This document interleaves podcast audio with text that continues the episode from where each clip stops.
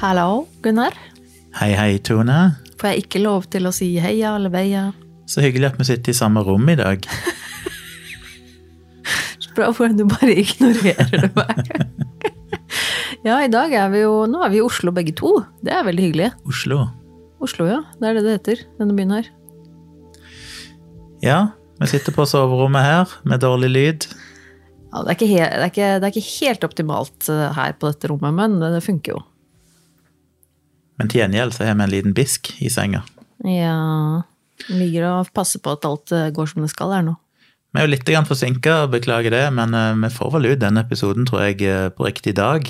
Mandag 24. april 2023, hvis vi skjønner noe. Så får man ut før midnatt. Ja, det skal vi er vi klare. teknisk sett på riktig dag. Selv om det er nesten et døgn forsinka.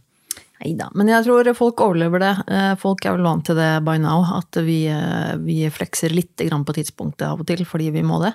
Eh, Men ja, jeg skal minne folk igjen om, om at vi veldig gjerne vil motta tips fra dere på hva vi kan snakke om i denne podkasten her, rett og slett. Fordi eh, vi forteller jo her virkelige historier om grusomme hendelser. Og det er jo historiske historier, og det er hendelser og ulykker og drap og true crime og alt i ett i denne podkasten her. Og vi vil jo gjerne ha eh, tips som ikke bare er true crime. Vi liker jo å få å fortelle historier om, om litt andre ting også. Vi liker jo den variasjonen. Um, så send det gjerne inn til oss hvis du har noen, eh, noen tanker om det, med noen eh, lenker og sånn gjerne til en artikkel kanskje, eller noe sånt. Eh, den sender du da til virkelig grusomt at gmail.com. Så får vi tilgang på det. Eller så vil vi gjerne ha flere følgere, vi på Insta Nei, ikke på Insta. Eh, Jo, det òg for så vidt, du, men da blir det i så fall hver for oss. Men vi har en Facebook-side til denne podkasten, og den heter Virkelig grusomt podkast. Hvis du går inn på Facebook og søker eh, opp podkasten vår der, så finner du siden vår. og da, Hvis du liker eller følger den, er det vel et eller annet, eller jeg er litt usikker på hva det står der, men det heter vel like, og du kan både like og følge. Eh, Da legger vi nemlig ut en sånn post der til hver episode, med litt bilder og lenker og Eh, ja, litt sånne ting. Og det er alltid eh, kult å få tilbakemeldinger på episodene fra folkens eh, der ute. Fordi folk har alltid litt eh, forskjellige opplevelser av det vi forteller, og forskjellig rating, og det er ikke det er ikke måte på å si. Så det, gjør gjerne det, folk. Og så eh, må jeg snike inn eh, nok en gang bare å si til folk at eh, du som hører på dette, du er sikkert glad i podcaster. Og det har seg nemlig sånn at Gunnar og jeg vi har hver vår podkast også i tillegg til dette. Gunnar lager en podkast som heter Tomprat, som er veldig ålreit. Eh, Kan anbefale folk å høre på den. Du er inhabil. Eh, Nei, jo, litt, men eh, Og så har jeg en podkast som heter Nerve. Og jeg kan anbefale folk å sjekke ut den også. Det kan jo hende at folk liker det, og da er det jo bare en bonus, for da har de mer å høre på. Men uansett, skal vi sette i gang, kanskje? Jeg har har Ja. ikke så god oversikt over hva du skal snakke om i dag, Gunnar. Nei, denne gangen har jeg ikke gått til tipsinnboksen, men Nei. jeg har funnet en egen historie. Fordi, litt inspirert av at jeg bare, det dukker opp noen greier på YouTube, eh, og denne historien har ingenting med det å gjøre, enten at det er samme tema, og det er rett og slett eh, fjellklatringsulykke. Ja, riktig. Fordi det har vi jo aldri hatt, og vi prøver jo å finne litt nye ting. Vi har hatt naturkatastrofer, grotter og branner og Ja, litt forskjellig. ja. Vulkan. Men vi har ikke hatt eh, fjellklatring. Nei, det er sant. Det er jo et tema jeg kan veldig, veldig lite om. Men eh, jeg begynte å google litt, og kanskje litt eh, kjedelig, fordi det er kanskje naturlig nok en av de mest kjente historiene. Men det er jo fordi det er en av de verste. Oh. Og den eh, skjedde i 2008 på fjellet K2. Og K2 blir jo regna for å være ett av de dødeligste fjellene å klatre. Det er jo ikke det høyeste. Mount Everest er jo høyest. Men, Men K2 er vel ikke så Er det Nei, nest noe sånt? 237 meter eller noe sånt. Eh, Lågere. Ja, okay, altså det er, det er nest høyeste i verden eller sånn, er det ikke det? ja. Ja, ja. Det er ikke derfor dette er K2, som jeg trodde. Jeg trodde dette er K2 fordi dette det var liksom nummer to av de høyeste. Dette er K2 for det var en eller annen dude for lenge siden som begynte å kartlegge disse fjelltoppene i det området. Og dette fjellet her var det andre han kartla. Så da ble det kalt for K2. Den første han kartla var K1. Ja, okay. De fleste andre fjell har fått nye navn siden den gang, men K2 ble liksom hengende igjen, så K2, den heter K2 fortsatt. Hva står K-en for? Knaus? Nei, Knausgård. Den står for det er ikke uh, norsk, sa jeg. Jeg hadde det her i en artikkel, men jeg er ikke det, ja. så nøye sikker. Nei, jeg bare lurt på det, for jeg visste, jeg vet egentlig ikke det. Det Nei, jeg tror det sto for navnet på det området, eller den fjellkjeden, eller noe sånt. for. det er den fjellkjeden er en del Ja, det står, om det står for Karakoram, fordi at K2 er en del av en fjellkjede som heter Karakoram. Ja. Det er ikke en del av Himalaya. Eh, Mount Everest er jo en del av Himalaya. Eh, Karakoram-kjeden ligger ikke så veldig langt unna. Den ligger jo òg på grensa mellom Pakistan og Kina og India. Og blir jo, selv om han som sagt er lavere enn Mount Everest, så er han ekstremt mye vanskeligere å klatre. Men strengt tatt, hvilket land er vi, liksom? Eller er den, er den, er den på grensa, liksom? Den Ja, K2 ligger Det står bare at den, det, den plassen jeg ser, så står det liksom at den ligger på grensa mellom forskjellige land. Ja, okay. Den ligger vel sikkert toppen teknisk sett i ett av landene, men det er ikke så nøye. Nei, jeg skjønner. Mm. Det er jo midt mellom Vi er flere i land. Asia, i hvert fall. Og K2 er farlig. Den er så farlig at eh, det er vel et par fjellkjeder, eller fjelltopper, som er farligere. Den ene er en, et fjell som heter Nanga Parbat, som òg er over 8000 meter høyt, og som ligger i samme fjellkjede, litt på vestsida i Pakistan. Og så er det en annen topp som heter Annapurna, som ligger i Nepal Den har jeg hørt om. som òg er veldig, veldig dødelig. Av de som eh, på det tidspunktet denne artikkelen ble skrevet, som var i 2008, så er det en artikkel som ble skrevet i anledning denne tragedien som jeg skal snakke om i dag. Da var det 280 som hadde klart å komme seg til toppen av K2. Det er noen få som er kommet opp etter den gang, så tallet ligger på rundt 300, noe sånt. Totalt mennesker som har klart å komme seg til toppen? Ja, i motsetning til f.eks. Mount Everest, der det er mange tusen, 4000, et eller annet som er vært på toppen. Oi. Så det er veldig sjeldent, men av de 280 som på det tidspunktet hadde kommet seg opp, så regner de med at rundt 74 av de har dødd. Så det vil si at det er 26% av de som har nådd toppen, ender opp med å dø på vei ned igjen. Så det er stort sett på vei ned igjen at folk dør. Å ja, så, det, og, og, så, oh ja, ok, så det, de, det tallet der, det var også inkludert noen som ikke overlevde? Ja, det er de som kommet til toppen. Ja, Men av de igjen så nettopp. ca. en fjerdedel av de. Én av fire dør på vei ned. Åh, my lord. Ja. Nanga Parbat, der er dødstallet 28% og Annapurna er det 40% som Oi. dør. Eh, av de som har klatra Mount Everest, er det på det tidspunktet minst 179 mennesker som har dødd, men det er så fryktelig mange som klatrer det, at uh, prosentvis så ligger det på langt under Eller rundt 10 Jeg vil tro det er lavere enn 10 det står 10 her, men, uh, men ja. Mm. Så ja, når nesten altså mer enn én av fire dør, så er jo det en eh, Jeg vet ikke, jeg tror ikke jeg har ja.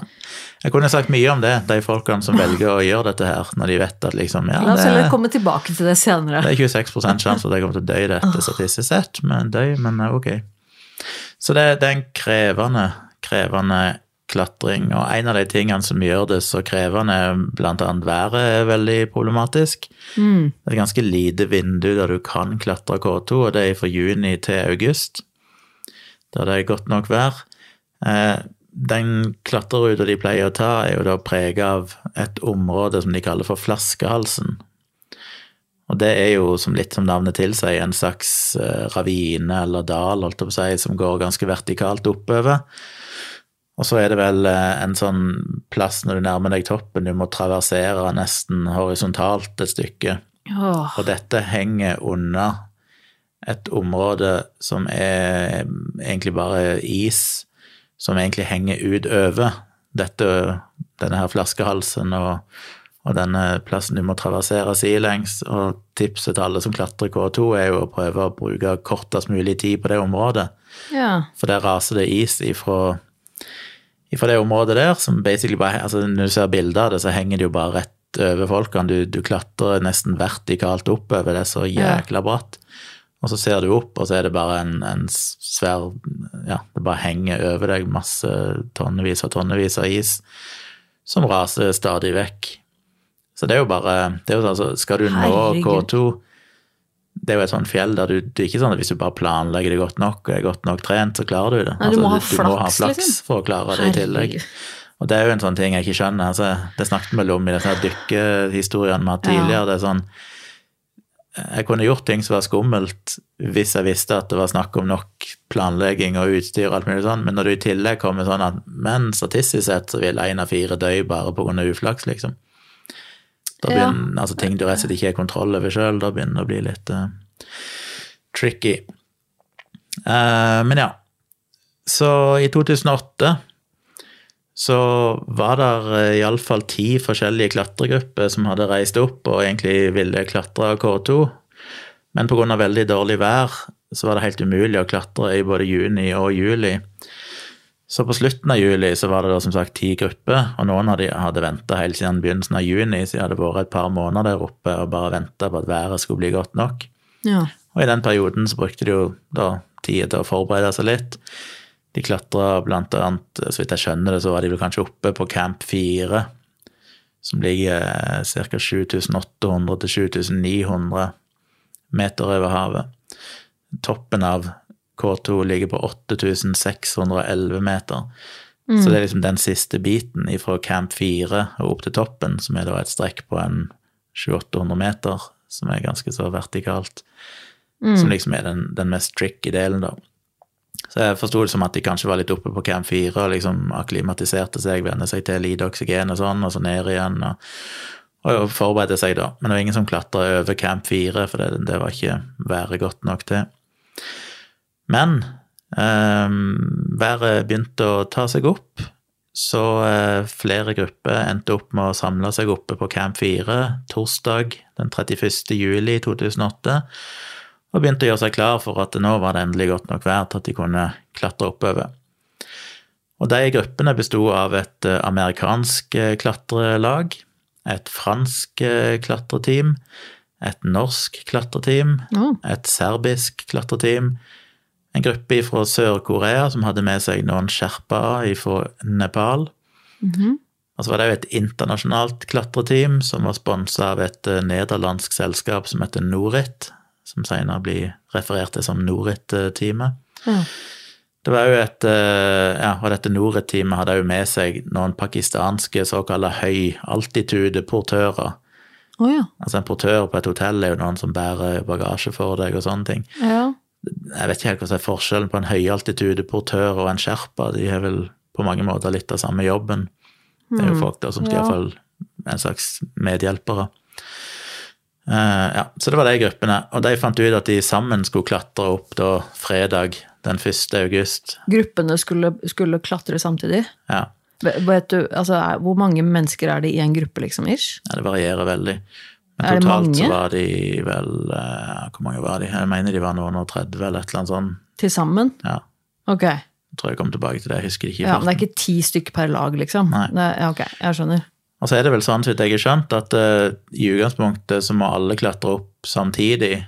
Og når de er kommet til toppen, så må de egentlig vente til alle er kommet opp, før de kan begynne å gå ned igjen. For du kan ikke Ja. liksom passere hverandre både opp og ned samtidig. og sånn. De gjør, Nei, det vil jo sikkert gjøre ting men eh, enda de gjør ting mer komplisert. Ja. Så, så derfor valgte de å klatre sammen. Eh, I tillegg til disse gruppene så var det noen selvstendige klatrere. Det var annet en eh, spanjol som klatra solo, Oi. og et par med italienere som òg klatra sammen og slo seg med alle disse andre gruppene. Klatra solo på noe sånt nå? Er du helt Det er jo august. suicide mission. Så eh, starta først disse høyaltitude-portørene. Vet ikke om det finnes sånn norsk ord for det, men high altitude porters.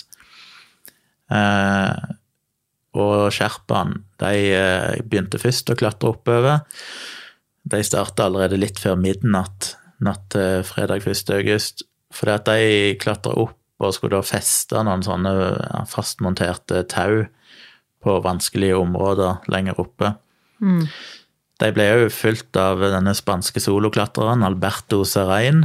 Og han klatra rett ifra Camp 3 men passerte bare Camp 4 istedenfor å stoppe der og liksom hvile. Så fortsatte bare han eh, tenkte han skulle bare fortsette til toppen. Alene? Ja. Den mest, ja, eller sammen med disse sherpaene og høyaltitudeportørene. Den mest erfarne av disse høyaltitudeportørene var en uh, fyr som het uh, Shari, uh, Baig, en pakistaner. Han måtte egentlig kansellere og reise ned igjen fordi han begynte å slite med høydesyke. Mm. Som var litt dumt, for han var den eneste som tidligere hadde vært på, på K2, som hadde kommet seg opp på toppen. Eneste Oi. som hadde erfaring med det.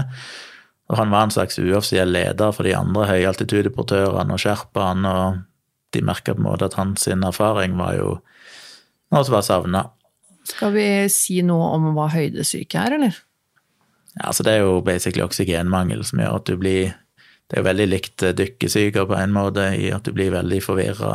Du mister, kan miste bevisstheten, selvfølgelig, oksygenmangel, men det er jo mest det at du blir veldig forvirra og kan begynne å oppføre deg veldig Mm. Uh, ja, veldig rart. Ja, for det at hjernen, hjernen fungerer får ikke skikkelig. oksygenmangel, rett og slett. Da. Så du, Ja. du, hjernen din begynner rett og slett å fungere dårligere. Altså, du begynner å være irrasjonell og ja. Eh, Så det de fant ut da, når disse gruppene faktisk begynte å klatre noen timer seinere, de begynte klokka tre på natta, så oppdaga de jo at disse høyaltitudeportørene og sherpaene egentlig hadde plassert disse tauene feil. De hadde begynt å feste de allerede ganske kort, eh, altså ganske kort over Camp 4 og hele veien opp til denne flaskehalsen. Men rett etter de hadde kommet opp flaskehalsen, så hadde de egentlig gått tom for tau. Sånn at denne horisontale strekket der de må traversere horisontalt, der hadde de ikke tau lenger. Det der hvor du snakka med isen? Ja. Oi, ok. Så de hadde altså begynt å feste tauene for tidlig, sånn at når de kom opp der de egentlig trengte tauene, så var det ikke nok tau. Og det førte til at når disse klatrerne kom opp der, så måtte de egentlig ta med seg tau da for lenger nede, Ja. og ta de med opp, og så begynne å, å feste de i denne i dette området over flaskehalsen, som eh, i seg sjøl var for så vidt greit nok, men det førte jo til en del forsinkelse, og forsinkelse er alltid veldig farlig, for du har en ganske tight schedule du må forholde deg til. Så det skapte jo problemer allerede der. Og noen av de som klatra, skjønte at dette kanskje ikke var så lurt å fortsette på, annet eh, to amerikanere som heter Erik Meyer og Fredrik Streng. Fredrik Streng var strengt tatt svenske, men han var med på den amerikanske gruppa. Ja. Så de valgte allerede da å bare ditche hele greia og returnerte ned til Camp 4. ja. Kanskje lurt. Camp 4 ligger jo høyt, den ligger jo på nesten 8000 meter oppe, så det, det er krevende òg. For de fant ut at det er såpass stor sannsynlighet at de vil komme til toppen veldig seint, og det er nok ikke så lurt, for de må jo ned igjen òg, og da er det mørkt og så videre. Så eh, det var jo en annen fyr som heter Chris Kinke, som valgte å fortsette noen timer til, men som òg til slutt valgte å bare kansellere og klatre ned igjen. Og òg en som heter jeg tror det er nederlender, som heter Gjelle Stalemann, som var på dette Norit-laget, som òg sleit med at han ble så kald eller fikk frosne føtter, så han òg aborterte og bare klatra ned igjen. Ja, for det er sikkert ikke veldig deilig og varmt oppe når du kommer opp i høyden der, nei. Nei, det er sikkert visst. Klokka åtte på morgenen så begynte klatrerne å komme seg opp mot denne flaskehalsen. En av klatrerne på det serbiske laget, som heter Dren Mandic, han fant ut at han skulle hekte seg av, hekte seg av disse faste tauene som var på fjellveggen, fordi han trengte å gjøre et eller annet med oksygentanken sin, og så skulle han òg passere den norske klatreren Cecilie Skog, som jo er veldig kjent. Eh, og har skrevet bok om det, denne opplevelsen og holder ja. foredrag om det. og alt mulig sånn, Vi kommer litt tilbake til Ja. hva som skjedde. Men han skulle passere henne, så han hekta seg av tauene og klatra forbi henne. Men etter han hadde passert henne, så mista han balansen og falt rett ned og dumpa inni Cecilie Skog. Men hun var heldigvis fortsatt klipsa fast i disse tauene, så hun ble på en måte bare oh, slått over, men hang fast fortsatt. Men Mandic han falt jo mer enn 100 meter Nei. Rett ned denne flaskehalsen. Oh. Noen av de klatrerne som hadde kommet seg ned til Camp 4, de observerte dette og sa at de kunne fortsatt De mente de kunne se at han bevegte seg. Andre Nei. plasser så er det noen som sier at han reiste seg opp igjen, men så kollapsa han igjen. Men de fant ut de ville klatre opp og prøve å hjelpe han. Oh. Så de, eh, denne svensken da, på det amerikanske laget, Fredrik Streng, tok kontrollen og, og begynte å klatre oppover for å prøve å få tak på Mandic. Da han kom opp til Mandic, så var det òg to andre serbiske klatrere, Predrag Sagorak og Iso Planic, som vel hadde klatra ned igjen, tror jeg, for jeg tror de var lenger oppe. Sammen med deres høyaltitudeportør, en som heter Mohammed Hussein. Det er det allerede kommet ned til, til Mandic sin kropp, og de fant ingen puls på han, og Nei. mente jo at han var såpass hardt skada at de mente han er nødt til å være død. Så de fant ut de skulle prøve å transportere han, han ned da, til camp fire. 4. What? Så eh, disse serbiske klatrerne pluss eh, svensken Streng eh, prøvde da å få ned dette liket.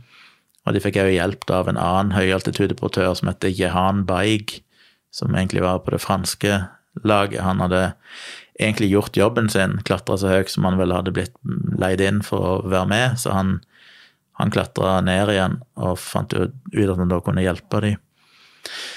Så er det jo folk som mener at eh, han Jehan Baig da muligens ikke var helt ved sine fulle fem da han kom ned. De mener at han kanskje leide av høydesyke, fordi at han hadde oppført seg ganske så rart eh, i den prosessen da han klatra ned flaskehalsen.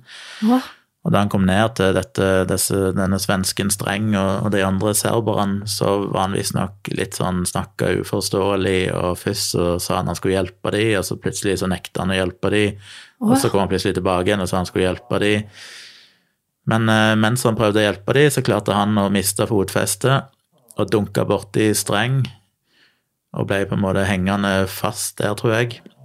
Og Streng sa at eh, du er nødt til å, å slippe tauet, fordi at eh, de hadde vel et tau som, som var festa til Mandic sitt lik, og alle Aha. hang i det. Og hvis ikke han slapp, så kom alle disse klatrerne som hang i det tauet, til å bli revet med ned. Så Baik han eh, slapp til slutt tauet.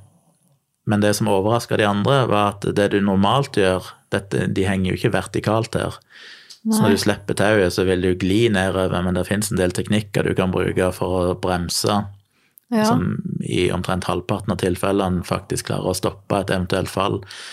Blant annet med å bruke ishakker sånn til å bremse, og kroppen til å bremse og skape friksjon. Men han gjorde ikke det. Han bare slapp tauet og falt rett ned uten å gjøre noe forsøk på å stoppe. What? Og han vet ikke helt hvorfor. Det kan jo være fordi at han leide av høydesyke og bare var såpass forvirra at han ikke helt visste Ja. hva han gjorde, men, men han falt ned for til sin død. Så allerede nå så er vi jo på to dødsfall. ja, det er jo helt på det tidspunktet så fant de ut at vi er nødt til å bare la Mandic sitt lik være igjen her oppe. Vi kan ikke risikere flere liv med å, få ned liket hans. Så eh, de pakka, disse serbiske lagkameratene pakka kroppen hans inn i et flagg og festa han fast til fjellveggen. Og så klatra de da ned. På det tidspunktet var det òg en fransk klatrer som heter Nicholas Rice, eller iallfall en som klatra med det franske laget, som som var, mente at de var blitt så forsinka at han òg kansellerte, så på det tidspunktet valgte han òg å klatre ned igjen. Men alle disse forsinkelsene, sammen med at det nå var ganske så trangt i denne flaskehalsen med alle disse lagene som skulle opp samtidig, ja. gjorde at de fleste, når de til slutt kom seg opp, som jo alle, eh, de aller fleste, klarte uten videre uhell, så kom de seg opp så seint som de siste kom seg vel opp rundt åtte på kvelden. Og det er egentlig lovlig seint, for det er normalt så pleier de å nå toppen mellom klokka tre og fem på ettermiddagen. ja, med tanke på at de skal ned igjen også, det tar jo tid, Ja. så det jo, jo Ja, det skjønner jeg godt, at det kan være litt krise. Og hvis dere hører litt snorking i bakgrunnen, så er det hunden vår som Ja, ligger og si det, at jeg lurer på om folk hører den snorkinga Det gjør de sikkert. Beklager det i så fall. kanskje dulter borti noe. Ja. Eh, til sammen var det 18 personer som kom seg opp på K2 den dagen.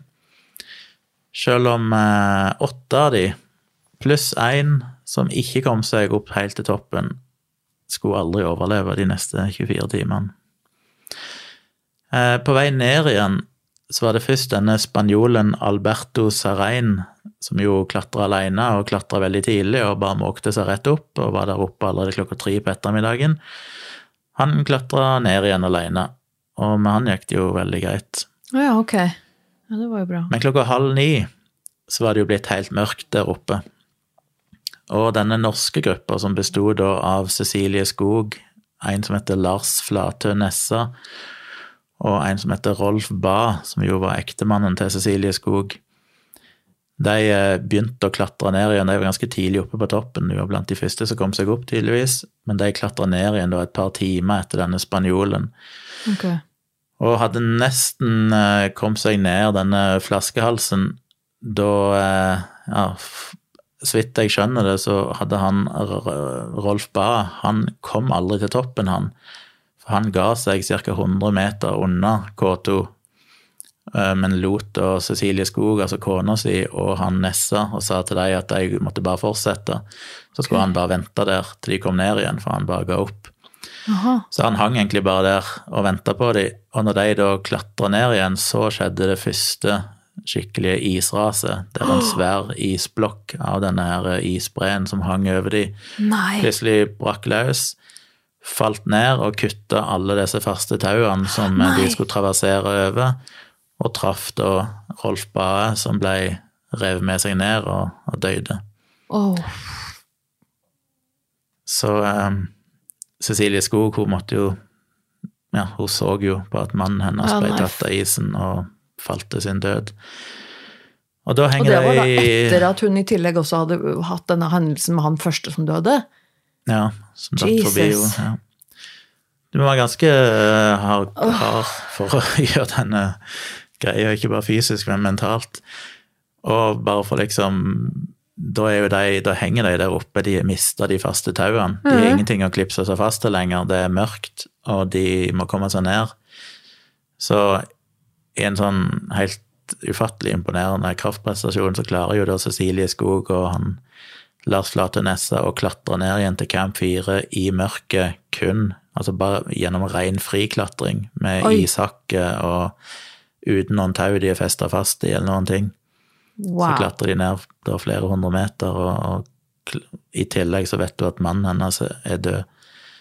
Så liksom bare det der psykologiske presset av å ha mista mannen sin, sett på det, plutselig ikke ha noe sikring lenger, må klatre ned flikla, fli, friklatring på en av de farligste strekkene i verden, liksom. Det er sånn, ja.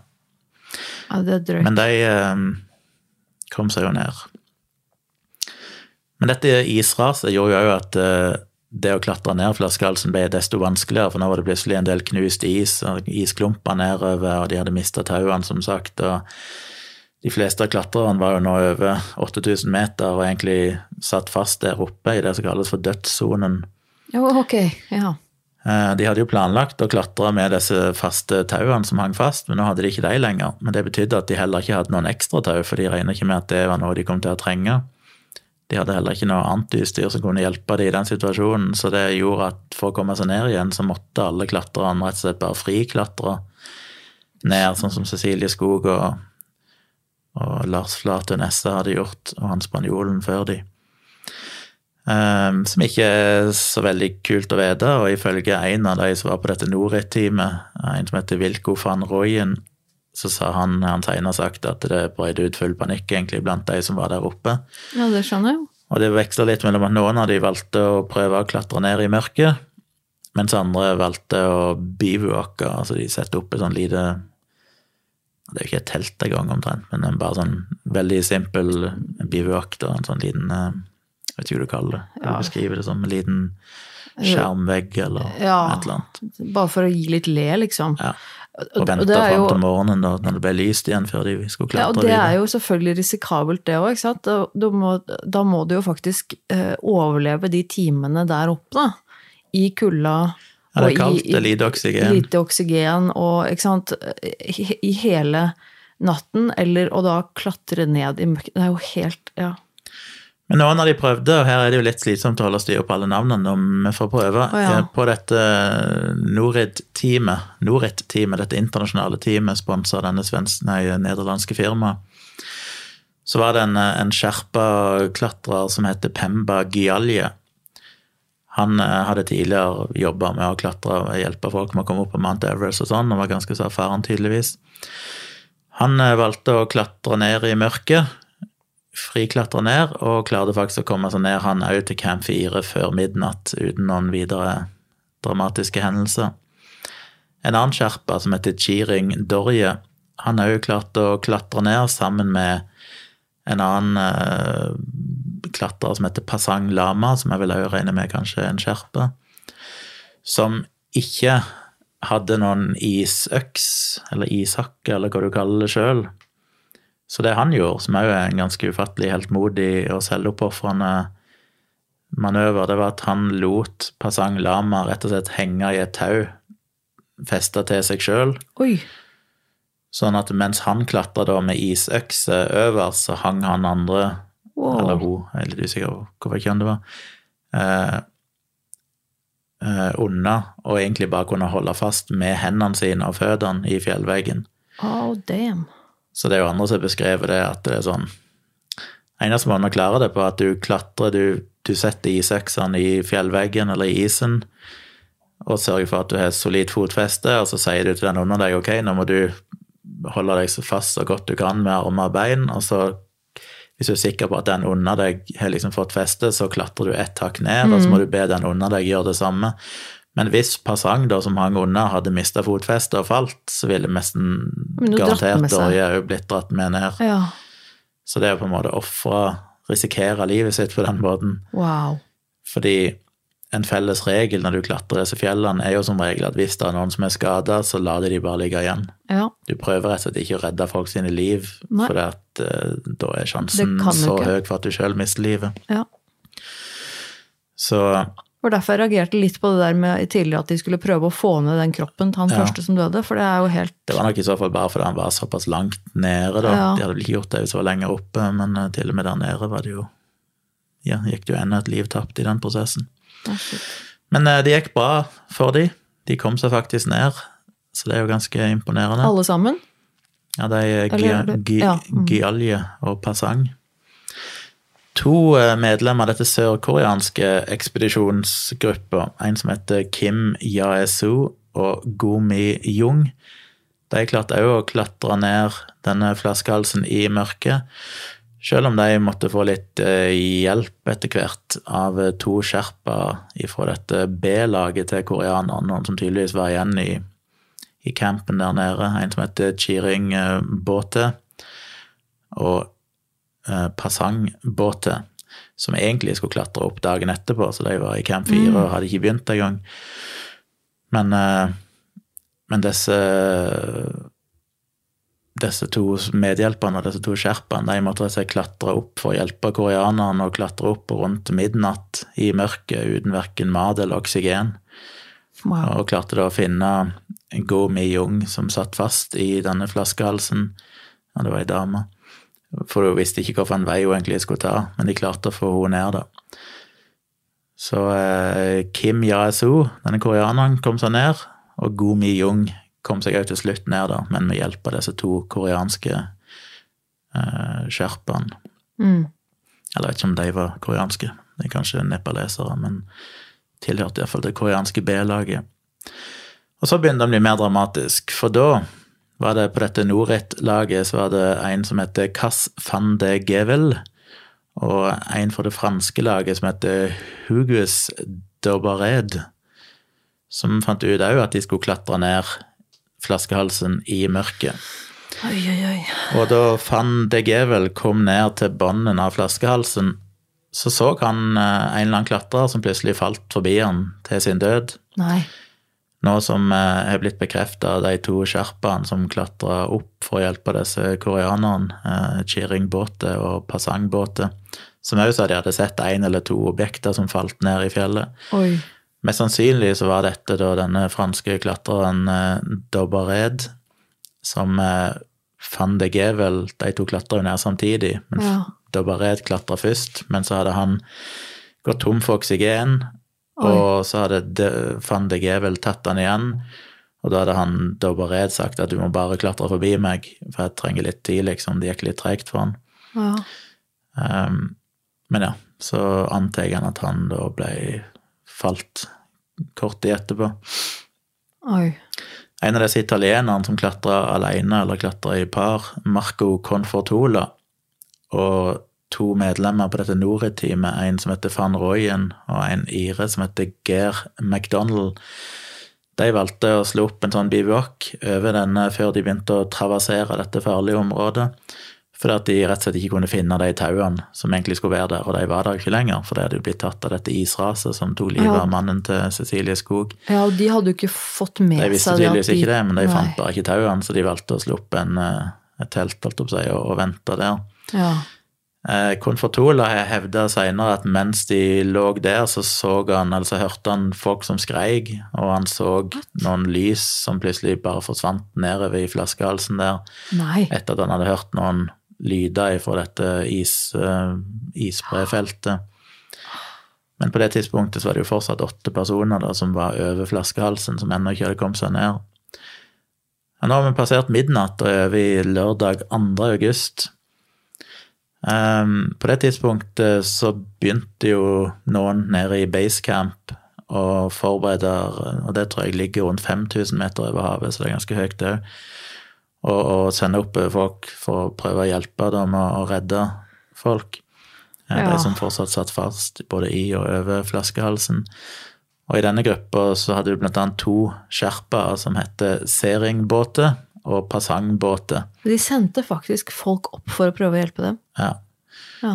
Eh, de hadde jo, eller hans siste pasangbåter hadde jo tidligere vært oppe en gang og hjulpet disse to koreanerne ned. Oh, ja. ja. Men de to, sammen med jeg tror det er bror hans, Seringbåter, de klatra opp på nytt for å prøve å hjelpe søskenbarnet sitt, som heter Yumik-båter, som òg fortsatt hang fast med noen eh, koreanske klatrere et eller annet sted over flaskehalsen. Så tidlig på morgenen den 2. august så eh, ga van Royen, som da altså hadde slått seg til ro i et telt over denne over flaskehalsen, han ga opp og prøvde å finne disse tauene, og fant ut at han skulle bare klatre ned, da friklatre ned, sånn som de andre hadde gjort. Men synet hans begynte å bli ganske dårlig, og han var ganske redd for at han var i ferd med å bli snøblind, så han hadde Oi. litt hastverk med å komme seg ned. De to andre som var der oppe med han, Confortola og McDonald, de valgte å ikke følge ham med en gang, så han klatra først alene. Og etter hvert som han klatra ned, så kom han til disse koreanske klatrerne. Eh, og det er litt usikkert i ettertid hvor mange det var. Noen sier det var to, noen sier det var tre. Og denne guiden deres, da, Yumik Båte, som var dette søskenbarnet til de to andre sherpaene som var på vei opp nå for å prøve å redde han. Ja. Og de hang mer eller mindre bare og dingla i masse tau som de hadde satt seg fast i. Oi. Noen av de hang opp ned og var blodige, og hadde egentlig hanget der hele natta, og var selvfølgelig veldig kalde og i dårlig tilstand, men de levde alle sammen. Eh, De er litt usikre på hva som har skjedd. Eh, Var de et offer for et nytt isras eller et snøskred, eller kanskje de bare falt? Ja, de mista grepet. Og hvis Ja. du mister grepet, så altså, at du kanskje har altså, slått seg i vegg, fjellveggen eller noe sånt. Altså, hvis de var blodige, liksom. Altså, Så Noen mener at det var to koreanere pluss han Yumik Båte. Andre mener at det var tre koreanere, der han ene var nesten død. Ja. Eh, Det er mulig at det var dette han Confortola så da han sa at han hadde hørt skriking og, og lys oh, ja. eh, natta før. Men det kan òg være at eh, det var dette fallet de så, Seringbåter og Passangbåter. De sa de òg hadde sett noe, som vi snakket om tidligere, som falt ned fjellet. Men en vet ikke helt sikkert. Nei. Han eh, van Royen, som klatra ned først, han eh, var, kunne ikke gjøre så mye mer, for han hadde jo, var i ferd med å miste synet, så han måtte bare skynde seg. Så det eneste han kunne gjøre, var å gi Yumik-båtet et ekstra par med hansker som han hadde, og så måtte han bare klatre videre. Han hevda at Yumik-båtet sa til han at han hadde blitt informert, for de hadde jo noen radio og satellittelefoner og sånn, at det var et uh, redningsteam på vei opp fra Camp 4. Så Van Røyen fant ut ok, men da, da kommer folk og redder de, så jeg må bare klatre videre nedover. Mm. Litt seinere så fortsatte jo da, eller så fulgte jo Confortola og McDonald etter de, og kom òg ned og fant disse koreanerne som hang og dingla i tau. Og de hadde litt bedre tid, så de valgte å bli og prøve å hjelpe dem. og brukte da flere timer på å prøve å få dem løs fra tauene og sånn. Og så er det litt motstridende informasjon om eh, hva som egentlig skjedde etterpå. Confortola han hevder at McDonald, denne iren, etter å ha drevet og jobba i rundt halvannen time med å prøve å redde disse koreanerne, plutselig bare begynte å klatre opp igjen fjellsida, og lot han være igjen med disse koreanerne. Opp igjen? Ja, og Confortola antok da at McDonald òg hadde fått høydesyke og begynte å bli forvirra og plutselig bare hadde fått for seg at han måtte klatre opp igjen. Så det er hans versjon av historien. Så han var igjen da og gjorde det han kunne for å prøve å redde han Yumik-båtet og disse koreanerne. Han ga mye av utstyret sitt da til Yumik-båtet for å prøve å, gi han en, en mulighet til å klare seg. Eh, og de hadde klart å hjelpe koreanerne litt, iallfall. De hang fortsatt fast i tau, men de hadde fått i en litt bedre posisjon. Og kunne fortåle seg at han klarte å, bruke radioen sin til å kontakte de to andre sherpaene som var på vei opp, altså Seringbåter og Pasangbåter. Uh, ja, og fikk kontakt med dem, da, bare ga de informasjon om, om tilstanden. Men da hadde jo han brukt iallfall tre timer på å prøve å hjelpe disse koreanerne, så han var såpass sliten at han sa at ok, da, da må jeg fortsette nedover. Mm.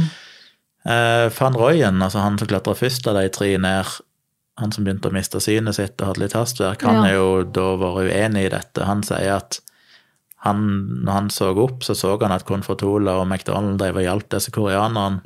Mm.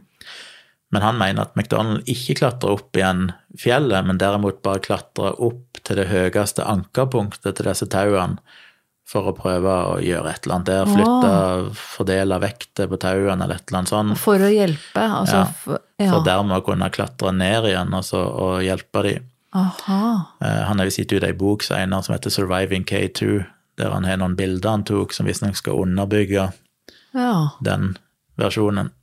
Så kommer jeg litt tilbake til det seinere. Men Confortola han sier at eh, kort etter han hadde forlatt disse koreanerne og, og han Yumik Båte som hang der oppe, så kom det plutselig et snøras, snøskred, Nei. bare noen meter ifra han. Og i det som ble igjen, liksom så det snøskredet landa litt lenger nede, så kunne han se at det var én person i dette skredet, og han klatra vel ned og undersøkte det og konkluderte med at det var han McDonald, han som altså hadde vært med han. Eh, Kort tid etter klokka tolv så kom endelig seringbåter og Passangbåtet, disse to sherpaene som klatra oppover for å prøve å hjelpe. De kom seg da til bunnen av denne flaskehalsen. Og der fant de Confortola, som drev og kravla rundt og gravde Mm. eh, på hender og knær. Og de fikk radiokontakt med Gyalje og Van der Gevel, det var de to som hadde klatra ned tidligere, som var nede i Camp 4, og sa at de måtte komme opp og så hente han konfortåler. Sånn at mm. Seringbåtet og Pasangbåter kunne fortsette oppover for å hjelpe slektningen sin Yumik-båter, og disse koreanerne som hang fast. Eh, Pasangbåter kontakta seinere Gialje via radio og sa at eh, de hadde kommet seg opp til Yumik-båter og disse to koreanerne rett over denne flaskehalsen. Og da hadde de visstnok kommet seg løs, Ja. Så de hang ikke lenger fast i tau. Og han òg sa på radioen at en eh, fjerde klatrer som kom ned bak disse to koreanerne, hadde blitt tatt av et isras og var død. Og hans beskrivelse av denne klatreren var at han hadde på seg en rød og svart klatredress, eller et eller annet kjeledress, som da matcha McDonald's sin dress, som eh, da visstnok skal motstride den historien til Confortola, der han mente Ja. at det var McDonald's som hadde blitt tatt av dette israset han så. For det var to forskjellige ras. ja, det var to forskjellige. Og bekrefter han van Royens teori om at McDonald faktisk da klarte å klatre opp og frigjøre disse koreanerne. Mm. Han hadde ikke blitt høydesyk og bare klatra opp i forvirring, men han klatra opp og gjorde et eller annet med tauene, fordi at nå, som sagt, eh, passangbåtet kom opp, så var koreanerne frie. Mm. Ja. Eh, men så, etter at han har klart å fri disse koreanerne, så er han blitt tatt av et eh, isras. Mm. Eh, Seringbåtet som kom litt lenger bak, for han klatra litt seinere enn han her passangbåtet. Han òg sa at han hadde sett et isras som traff disse folkene som hadde prøvd å redde koreaneren. Så mange forskjellige historier. Jeg vet Ja. ikke helt hva, Det er vanskelig å holde helt styr på hva som er hva her. Eh, Her er det jo en annen usikkerhet. Det var en av disse høyaltitudeportørene som heter Meherban Karim, som eh, var en portør for han der franskmannen Dobardes. Han eh, Han kom ned fra toppen av K2 sammen med Dobardet i ja, seint den 1. august, og så kom de visstnok ifra hverandre. Og da han van der Gevel klatra nedover og passerte Dobardet, hvis dere husker litt tilbake igjen, så sa jo han Dobardet at eh, han klatra først, men så kom van de Gevel bak han. Men så hadde han Dobardet fått litt sånn problem med oksygen og sånn, og så sa han at van de Gevel måtte bare passere han. Mm, Og det gjorde han, og så kort tid etterpå så falt jo han Dobardet ned. Ja.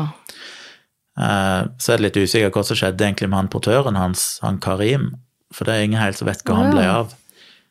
Eh, Noen hevder at eh, på noen bilder så kan du se at eh, etter at van Rooyen og de to andre slo opp telt for å vente litt med å klatre ned, så er det noen bilder som viser noen som er enda lenger oppe, nærmere toppen, som visstnok er, er der, som de mener er Karim. Mm.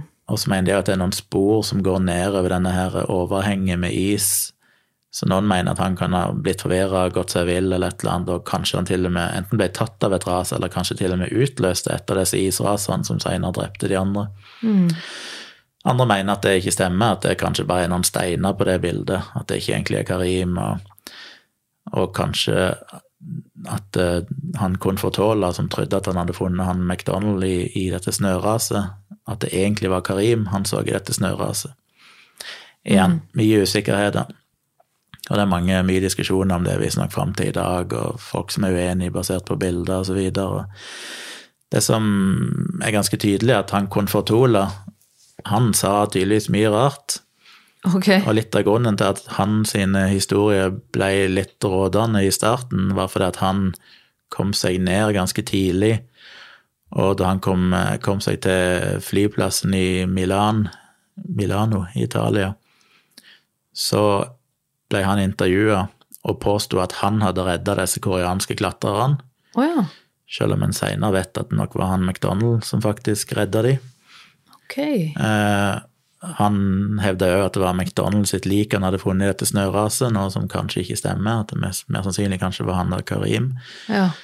Eh, han eh, han kom òg med noen feilinformasjon om at eh, de hadde, han og McDonald hadde valgt å ikke klatre ned i mørket, og at han van Royen han kom til å joine de litt seinere. Van Royen sier at det ikke stemmer. Han sier at de klatra samtidig, og de overnatta samtidig, og bla, bla. Så det er masse greier han sa som ikke stemmer overens med de andre. Og andre ser ut til å ha bedre bevis enn han, blant annet bildebevis og sånn, som viser at han sa feil. Mm. Men han kom seg til pressen såpass tidlig at mens han ble intervjua av, av folk, av journalister, så var jo fortsatt andre klatrere fortsatt på vei ned av fjellet, og ikke oh, ja. hadde blitt redda ennå. Så det gikk jo langt over et døgn før noen andre fikk fram sin historie, og da var jo allerede hans versjon trykt i aviser og sånn.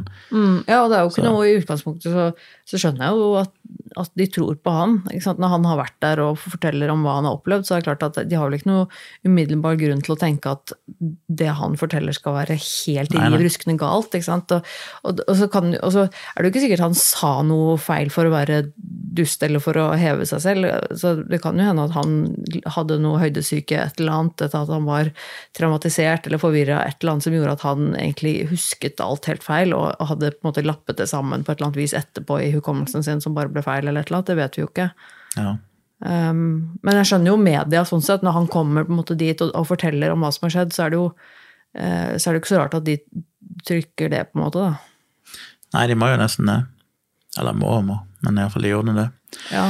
Eh, bare noen få minutter etter at han Pasang-båtet, som jo hadde klatra opp for å hjelpe disse koreanerne som hang og dingla i tauene der oppe, han eh, kontakta jo eh, folk på radio og sa at han da hadde møtt jeg tror det var søskenbarnet eller slektningen til en Yumik-båt og disse to koreanerne, at han hadde kommet opp på dem og funnet ut at de allerede hadde klart å blitt fri og sånn.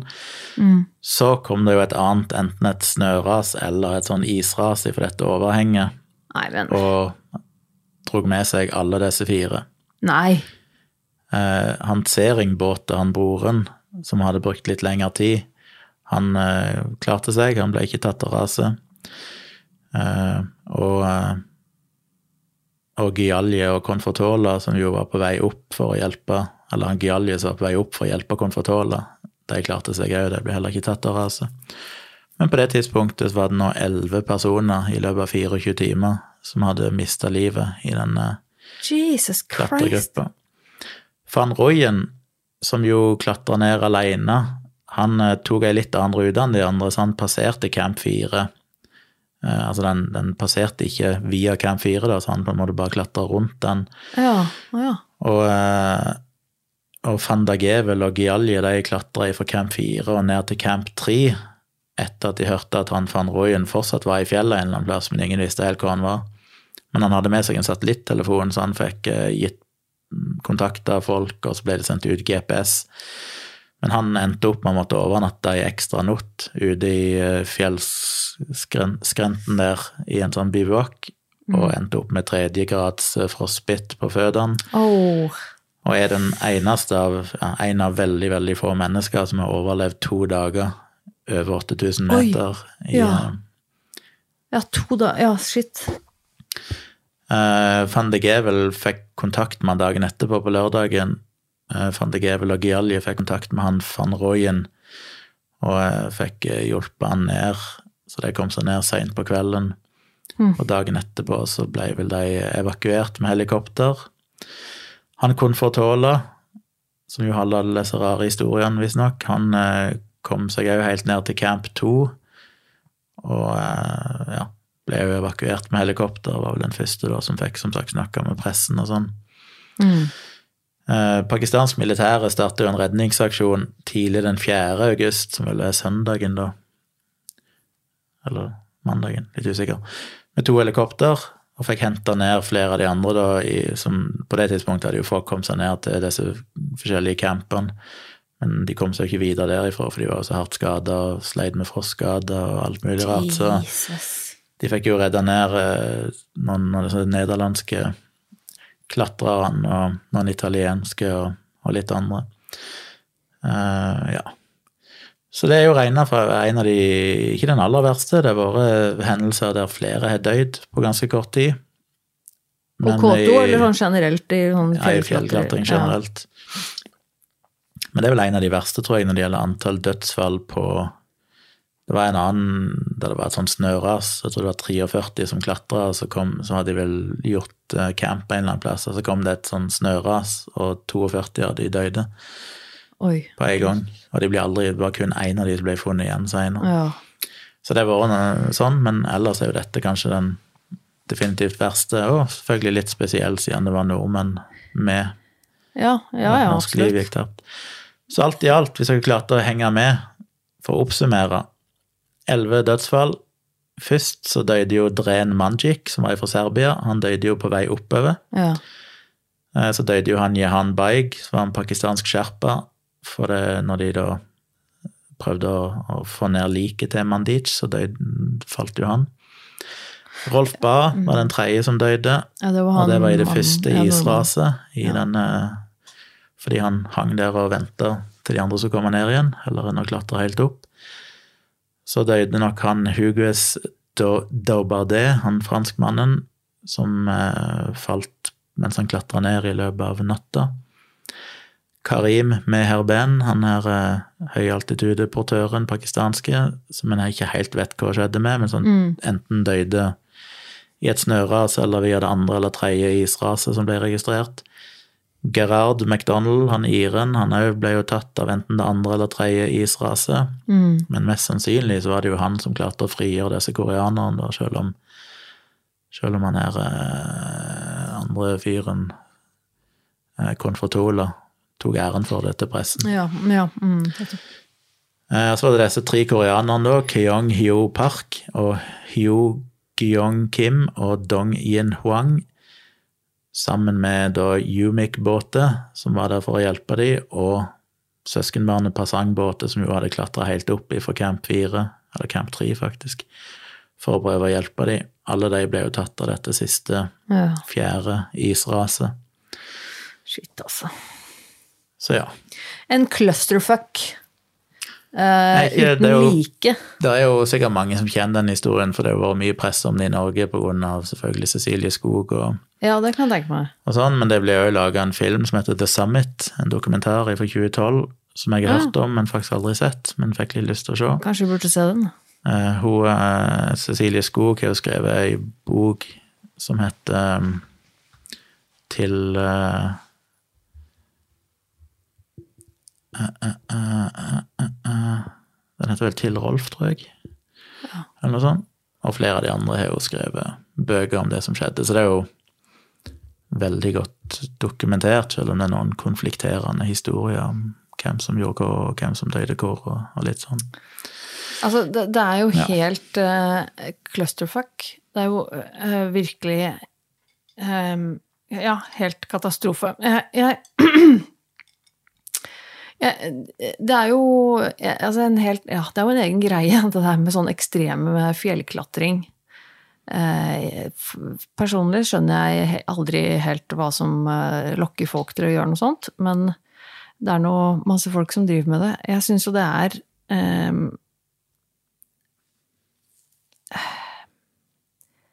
Altså, ja, selvfølgelig er det grusomt. Det er jo forferdelige hendelser og forferdelige opplevelser for disse menneskene. Selvfølgelig for de som døde er det jo grusomt, men også de som overlevde har jo helt sikkert blitt traumatisert. Og det er helt tydelig at uansett om du eh, om du overlever uten en, at det skjer noe ulykke på en tur som dette, så er det jo tydeligvis en tur som er ekstremt krevende av en person.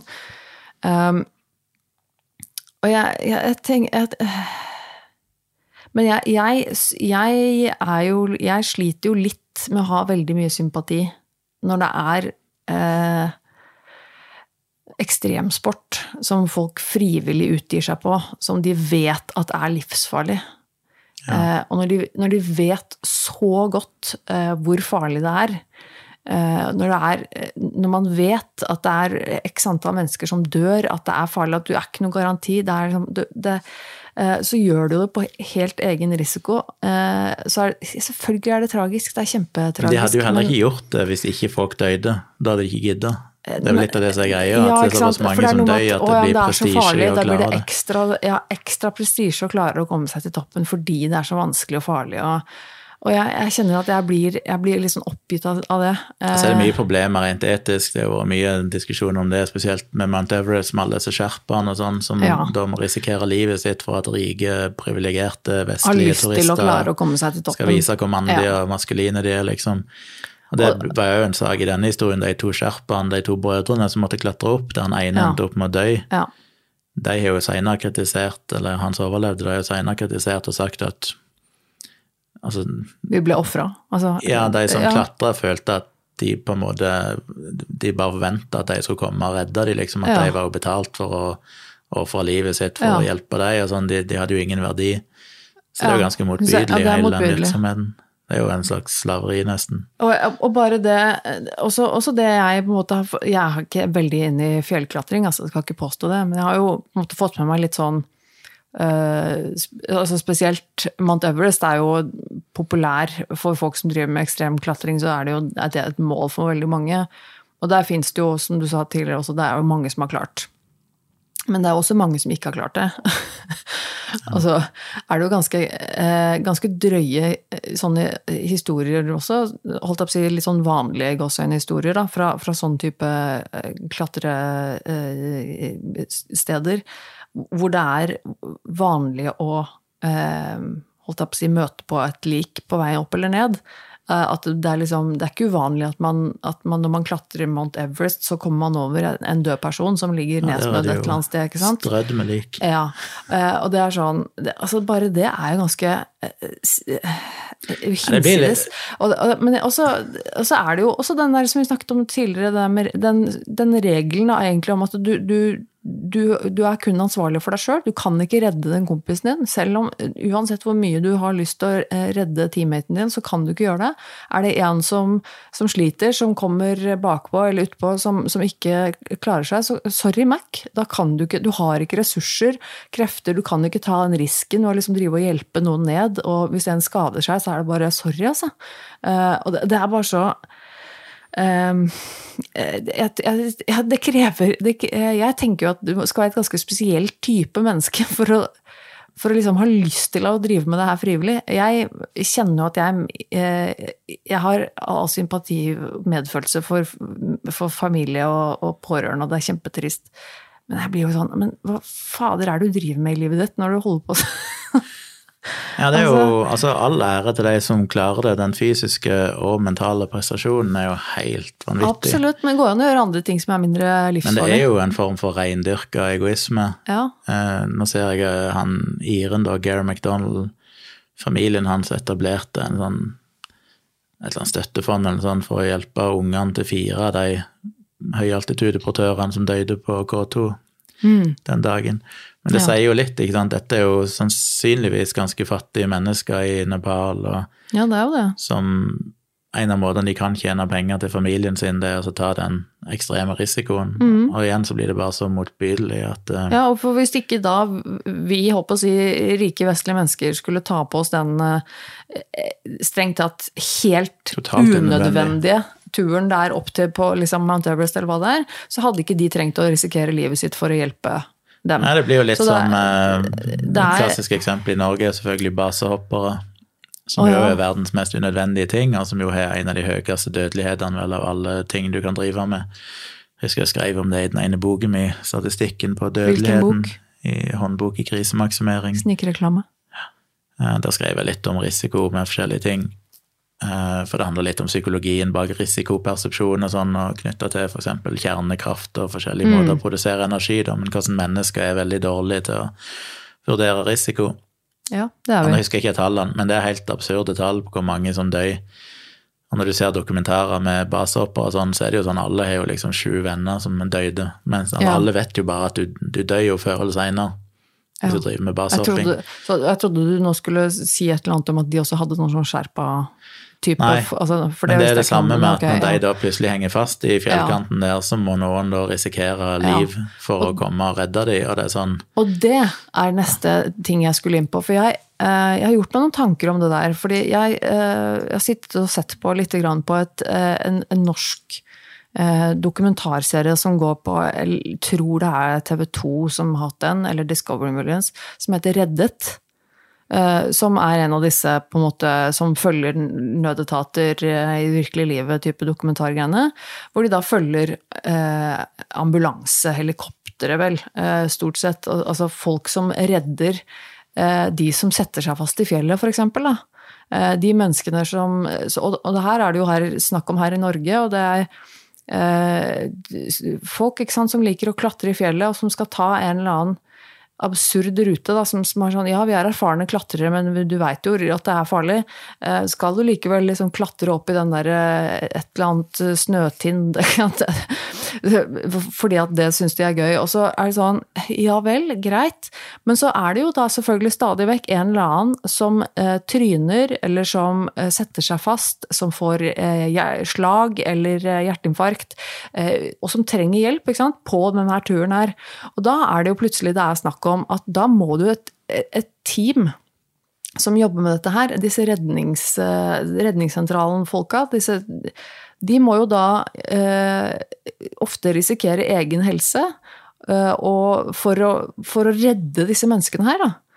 Eh, og og det er ganske sånn jeg, jeg tenkte litt over det da jeg så disse, do, den dokumentaren. Det er ganske interessant. og jeg vil absolutt anbefale folk å se det, for det er ganske Eh, ganske spennende å se, og all ære til disse menneskene som på en måte jobber da i den eh, ambulansetjenesten eh, eller redningshelikopteret og sånne ting.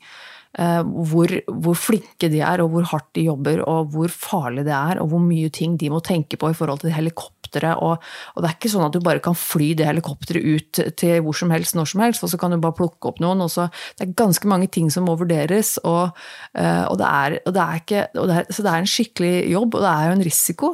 Og det er jo noe med at de, den, denne legen, eller ambulanselegen eller på dette helikopteret, han, skal jo, han blir jo firet ned han på dette fjellet og blir satt fra seg der, og så skal han hjelpe dette mennesket som har eh, tryna da, på denne klatreturen som vedkommende har tatt eh, ved egen viten og vilje, vet at det er farlig, eh, men fordi at vedkommende er så glad i adrenalinkicks og elsker å klatre i fjellet, så skal den absolutt opp på den der farlige fjelltoppen eh, alene.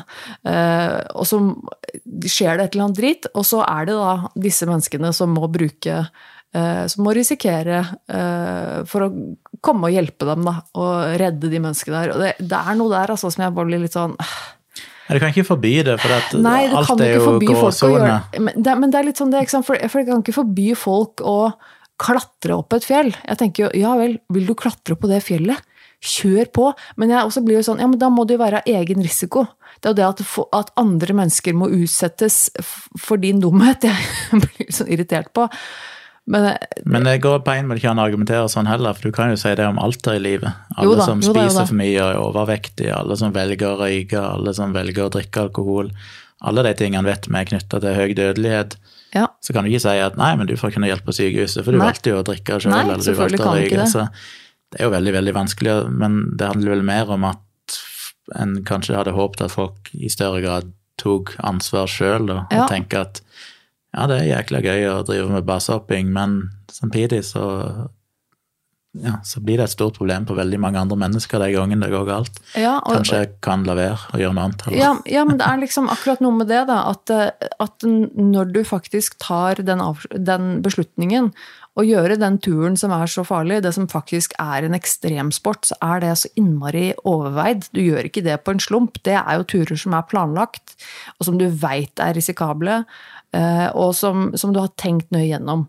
Og da tenker jeg at da eh, da er det ikke så synd på deg hvis det skjer noe drit. Altså jeg mener sånn, da, da, jeg har nesten sånn at jeg tenkte sånn på K2 så var jeg Nå kommer jeg til å høres ut som dem, jeg vet det høres ut som det minst sympatiske mennesket i hele verden nå, men uh, sånn på K2 så tenker jeg ja, ok, jeg håper i hvert fall det ikke er noen som kommer og redder dem. At ikke de driver og flyr opp med helikopter, de kan jo ikke så høyt, da, men det er sånn at eh, at de i hvert fall veit at ja, ja, det er på egen risiko. Eh, tryner jeg, så dauer jeg. Det er mitt problem. Kjipt for deg. Det er på en måte ja vel, fair enough, men at du, at du da kan gjøre det på egen risiko. uh, uten at noen andre må risikere livene sine for å da redde deg. Men da har du disse sherpaene da, som dessverre får, uh, får den uh, trekker det korte strå der. Men Altså Langt på vei så er det vel den holdningen de har. Det er vel ingen av de som reiser opp som egentlig Nei, forventer men- at de kommer til å bli redda hvis det går galt. Nei, det er Med unntak jeg- av disse skjerpene da, som de betaler for å være med opp. Ja, og det er derfor jeg tenker sånn akkurat sånn type Hvis vi hadde tatt bort akkurat det med de skjerpene, da. Men så tenker jeg at ja, ja, ok, K2 og sånn, greit, kjør på. Har du skik skikkelig lyst til å risikere livet ditt for å gjøre det der, så, så får det være ditt problem, på en måte. Ditt valg. Eh, Da er det et valg du har valgt å ta veldig bevisst valg. Men, men da er de derre eh, det der, alle de ressursene og eh, alt andre som blir satt i gang eh, for mennesker som bare er dumme, altså. Unnskyld meg. Hvis du trenger det kicket der, bare så kan du, sånn kick sånn, ja, kan sånn heller ta heroin, sprøyte heroin inn. Ja, ikke sant? Men, men, men, det er sånn, men det er den der unødvendigheten. Det er den der, du tok det der kicket med å klatre opp på det fjellet der fordi at du syns selv du er så erfaren, du veit at det er farlig, eh, men det kicket vil du så gjerne ha. Men når du først da tryner, som det er stor sannsynlighet for, eller et eller annet skjer, så er det noen andre som må komme og redde deg og risikere eh, livene sine, eller risikere mye for at de skal komme og hjelpe deg for, for noe som strengt tatt er ganske unødvendig. Det er litt sånn. Altså Hvis du hadde hatt ei, eh, ei, ei gangbru eller hengebru over en ravine, da du visste at én av fire som passerte den, de datt bare ned og daua, og så velger plutselig noen å gå over likevel, og så faller de ned, eller ser mannen falle ned, så er det klart, da er du litt sånn Men hvorfor i all verden gikk dere over der? Dere vet jo at én av fire dauer, én av fire faller gjennom den brua. Og så gjorde dere det likevel. Hvor dumt er ikke det?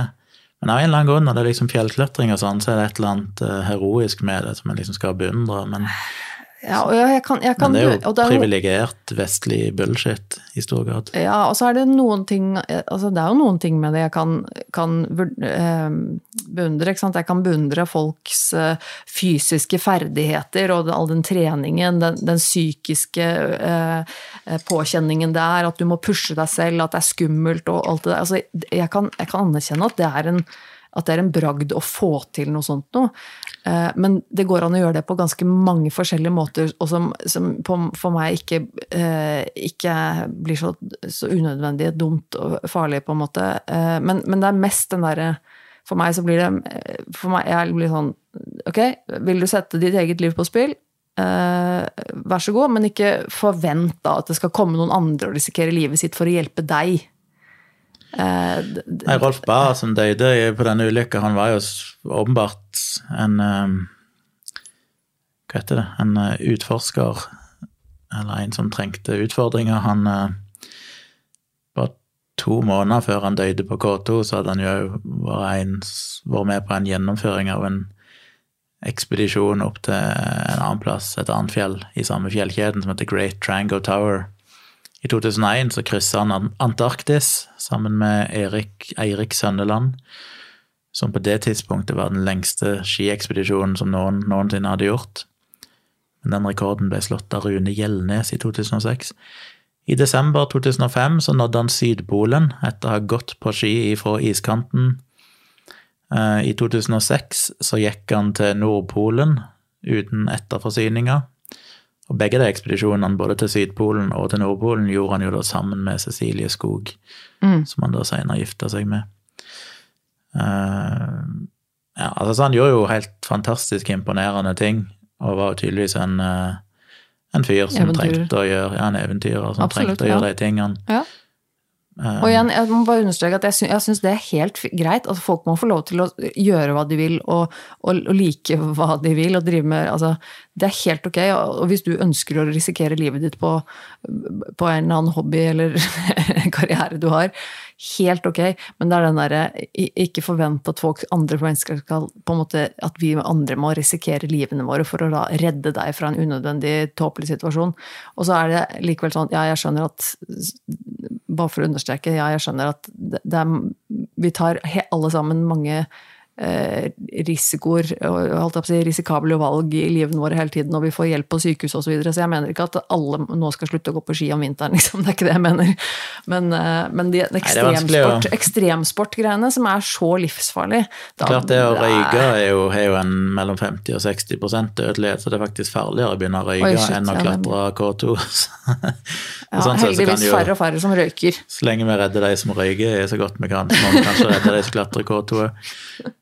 Men ja, det er et eller annet med at når, når risikoen blir så høy, når det er oppi liksom doble ja. prosenter og sånn, da er det litt sånn eh, ja, jeg, jeg, jeg, Kan ikke forby det, folk må gjøre det, og vi må fortsatt prøve å redde de, men det er ja, en liten det? bismak. Må vi det? Ja, vi må egentlig det. sånn er vi jo som mennesker, vi klarer ikke helt å bare si liksom ja, ja. ja jeg vet. Nei, men, men vi, jeg synes i hvert fall Innenfor rimelighetens grense, da. Mener, ja, det er jo, rimelighetens grense. Selvfølgelig så er, altså, profesjonelle redningsmannskap de ofrer jo ikke livet sitt for å redde andre de gjør jo ikke en sånn ting hvis Nei. de vet at det er noenlunde risiko for at de sjøl kommer til å krepere. Nei, og derfor er det selvfølgelig stor forskjell også på en sherpa som mm. da på en måte mer eller mindre blir ofret for å redde en rik vesting, enn en, en, eh, personal på et redningshelikopter som har dette som daglig jobben sin og har på en måte trygge rammer. Det skjønner jeg jo. Altså De som redder folk som henger fast etter basehopping, de gjør jo ikke det hvis de ser at uh, Nei, det er ganske stor sjanse for at helikopteret kommer til å styrte. Da, ja, nei, nei, da gjør de ikke det. Eh, Så det er jo selvfølgelig risikovurderinger som er fornuftige. Absolutt, det er det. Men det var det. Vi må vel uh, rangere det på en grusomhetsskala. Ja, det her syns jeg er litt vanskelig. Litt igjen det der med at uh, Legger kynismen til side her. Ja, jeg syns det, det, er vanskelig. Alle de alle de menneskene som Nei, det, det, det, er akkurat det. Jeg skulle til å si Alle de menneskene som var oppe på dette fjellet, har jo valgt uh, eh, sjøl og nesten gått på et ja. suicide mission. Um, bortsett fra de sherpaene. Jeg, jeg, får, jeg, jeg syns det er jeg syns det er vondt ass med de Det er nesten synd å gi dem den oppmerksomheten det å ha en podkast som dette på toppen av all annen oppmerksomhet de har fått. Ja, ikke sant. Uh, nei, jeg, jeg syns det er grusomt eh, med de sherpaene, da. Det må jeg si. De har jo, ja, det er jo de det er mest synd på. De har jo de har ikke nødvendigvis valgt det uh, på samme måte som det disse andre ekstremsportutøverne har. Um, også, men det er jo helt, det er jo helt en sinnssyk Iallfall ikke valgt å måtte redde folk som ikke engang var de som betalte de. Nei, og nei. folk på helt andre og bli sendt opp sånn. igjen for å liksom Og når du vet hvor farlig det er å drive og redde noen i et sånt fjell altså det er bare, ja. Uh, jeg syns det, det, er jo grusomt. Det er jo elleve mennesker som døde. Det er jo helt, det er jo helt sinnssykt. Ja, på et døgn. På en og sånn. Elleve mennesker! Uh, og hun norske også, som så sin egen mann uh, bli tatt av skredet og falle til døden, er jo helt for jævlig. Uh, og selvfølgelig, jeg, jeg, vil jo håpe at de fleste her som døde, døde ganske kjapt. Um, og så er det jo men, Det er nesten verst for de koreanerne som ble hengende opp ned uff, og ja, hang og så, i timevis der mm. og hadde det sikkert ikke spesielt godt.